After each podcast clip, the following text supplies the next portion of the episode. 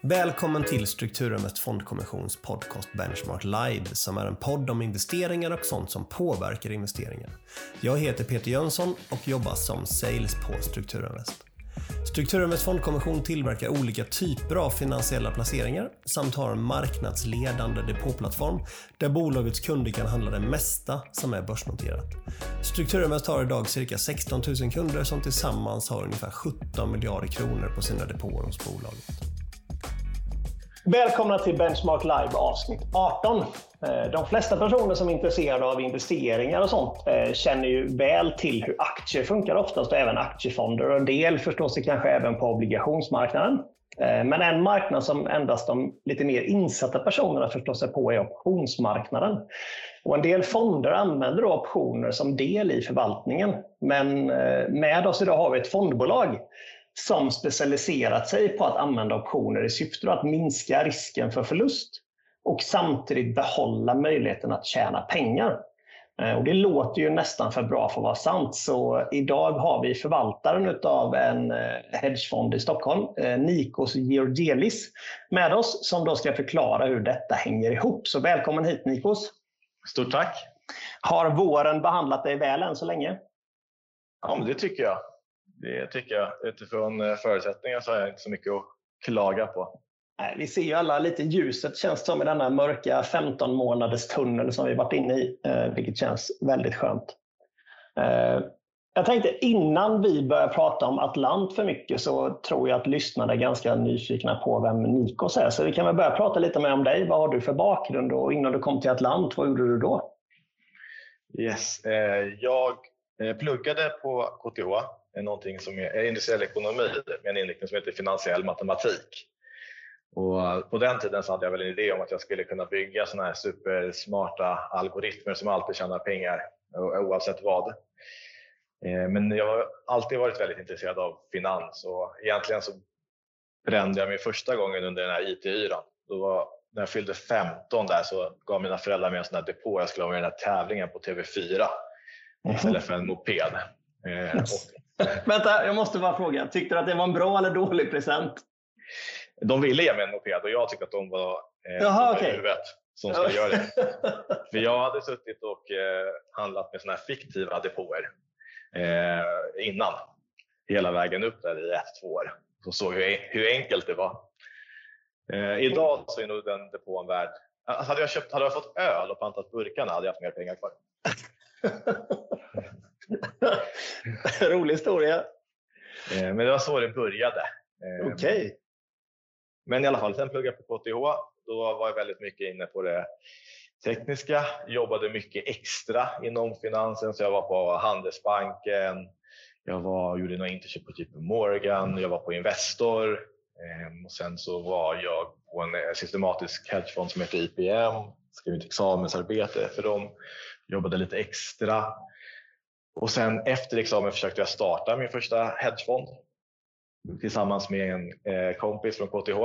Och, eh, men det var inte så många som ville investera i två killar från KTH som alla hade förvaltat pengar.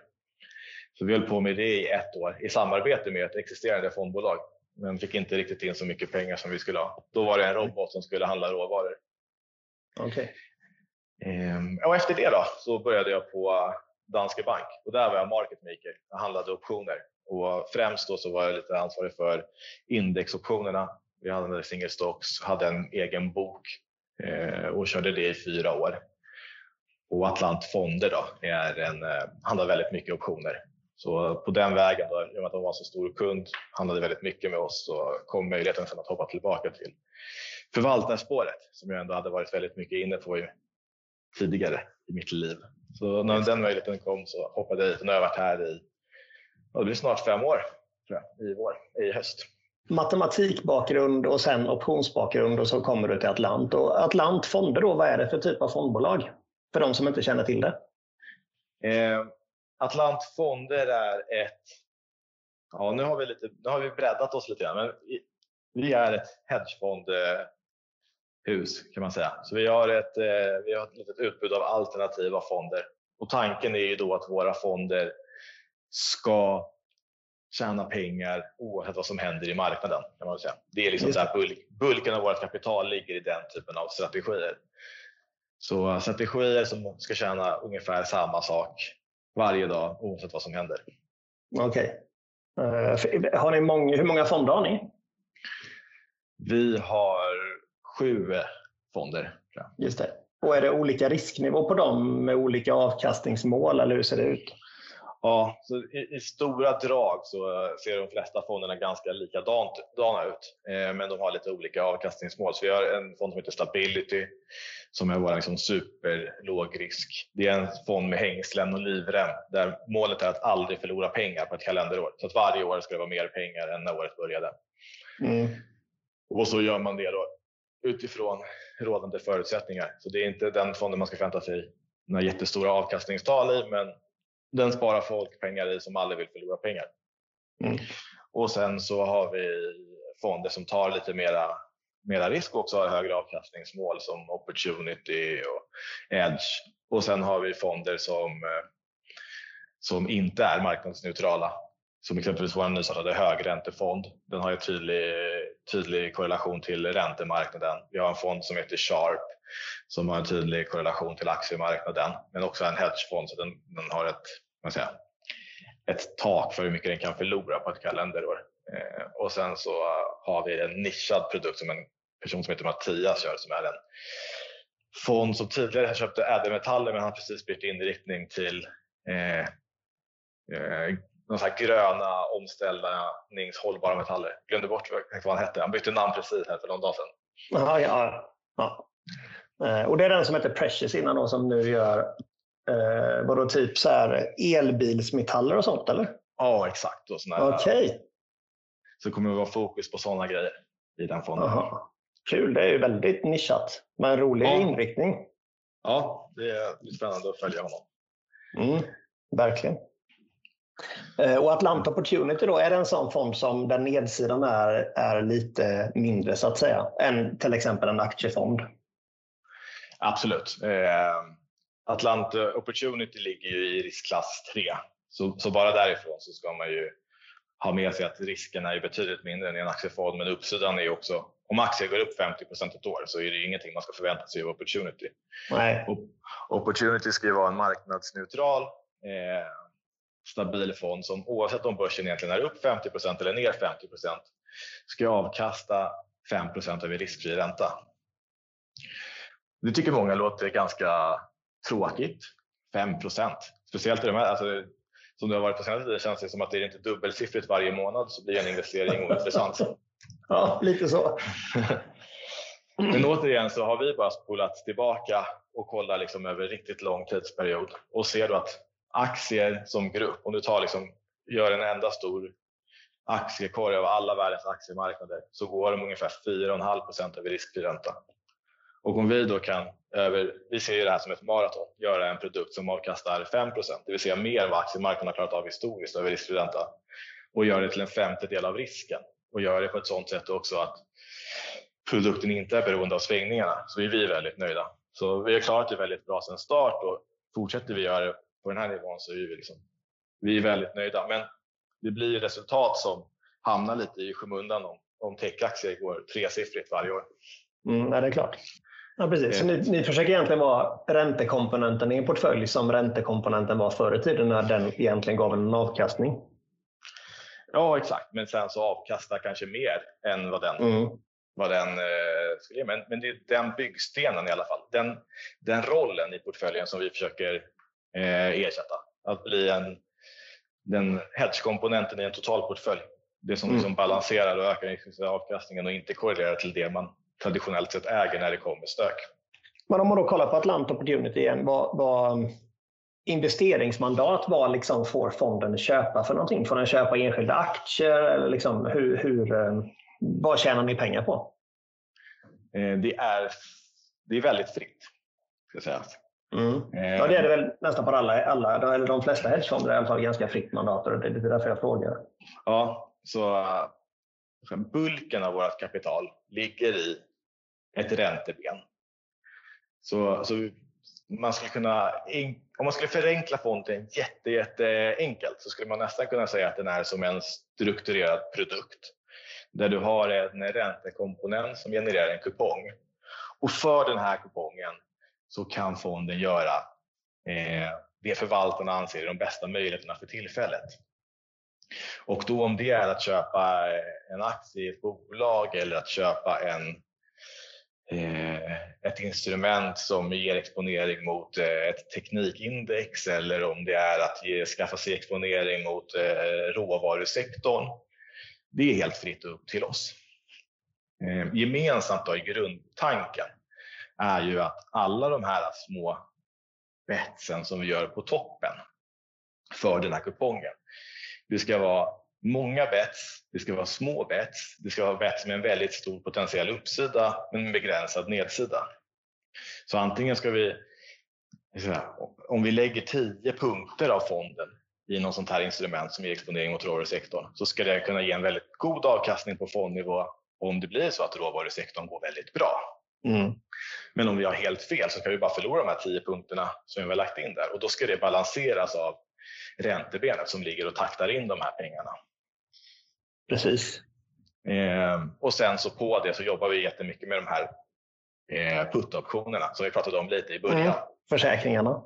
Exakt, i och med att vår fond då ska vara marknadsneutral och vi vill, vi vill eh, inte korrelera till traditionella risktillgångar under stök så arbetar vi jätteaktivt med ett sådant ben, ett hedgeben.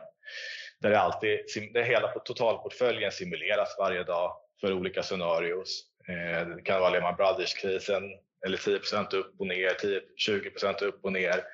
Coronakraschen som var nu i våras. Så, så tar vi egentligen bara totalportföljen, simulerar det och sen justerar vi med sådana här försäkringar för att fonden ska bete sig så som vi vill. Just det. Vid de utfallen. Det skulle jag säga är en jätteviktig grej av optioner. Det, det, låter som att ni är väldigt aktiva då med den här eh, vad ska man säga, riskdelen och så är ni lite mer långsiktiga med räntedelen som då betalar ut kuponger så att ni vågar ta lite risk med mindre pengar. Eh, ja, alltså själva grundbulten i, i fonden är väldigt eh, eh systematisk. Ja, så det är egentligen att det, det ska finnas en eh, ett, ett, en räntekomponent som ligger och taktar. Det kan vi se som fondens bensin. Mm. Och egentligen då är det utifrån rådande marknadsförutsättningar om vi tycker att det är billigt eller dyrt så tankar vi på lite extra eller lite mindre. Men det är egentligen det vi gör. Så man kan säga att inom räntebenet så gasar vi bara mer eller mindre men det är alltid på. Mm. Så det ska alltid finnas en, en kupong där.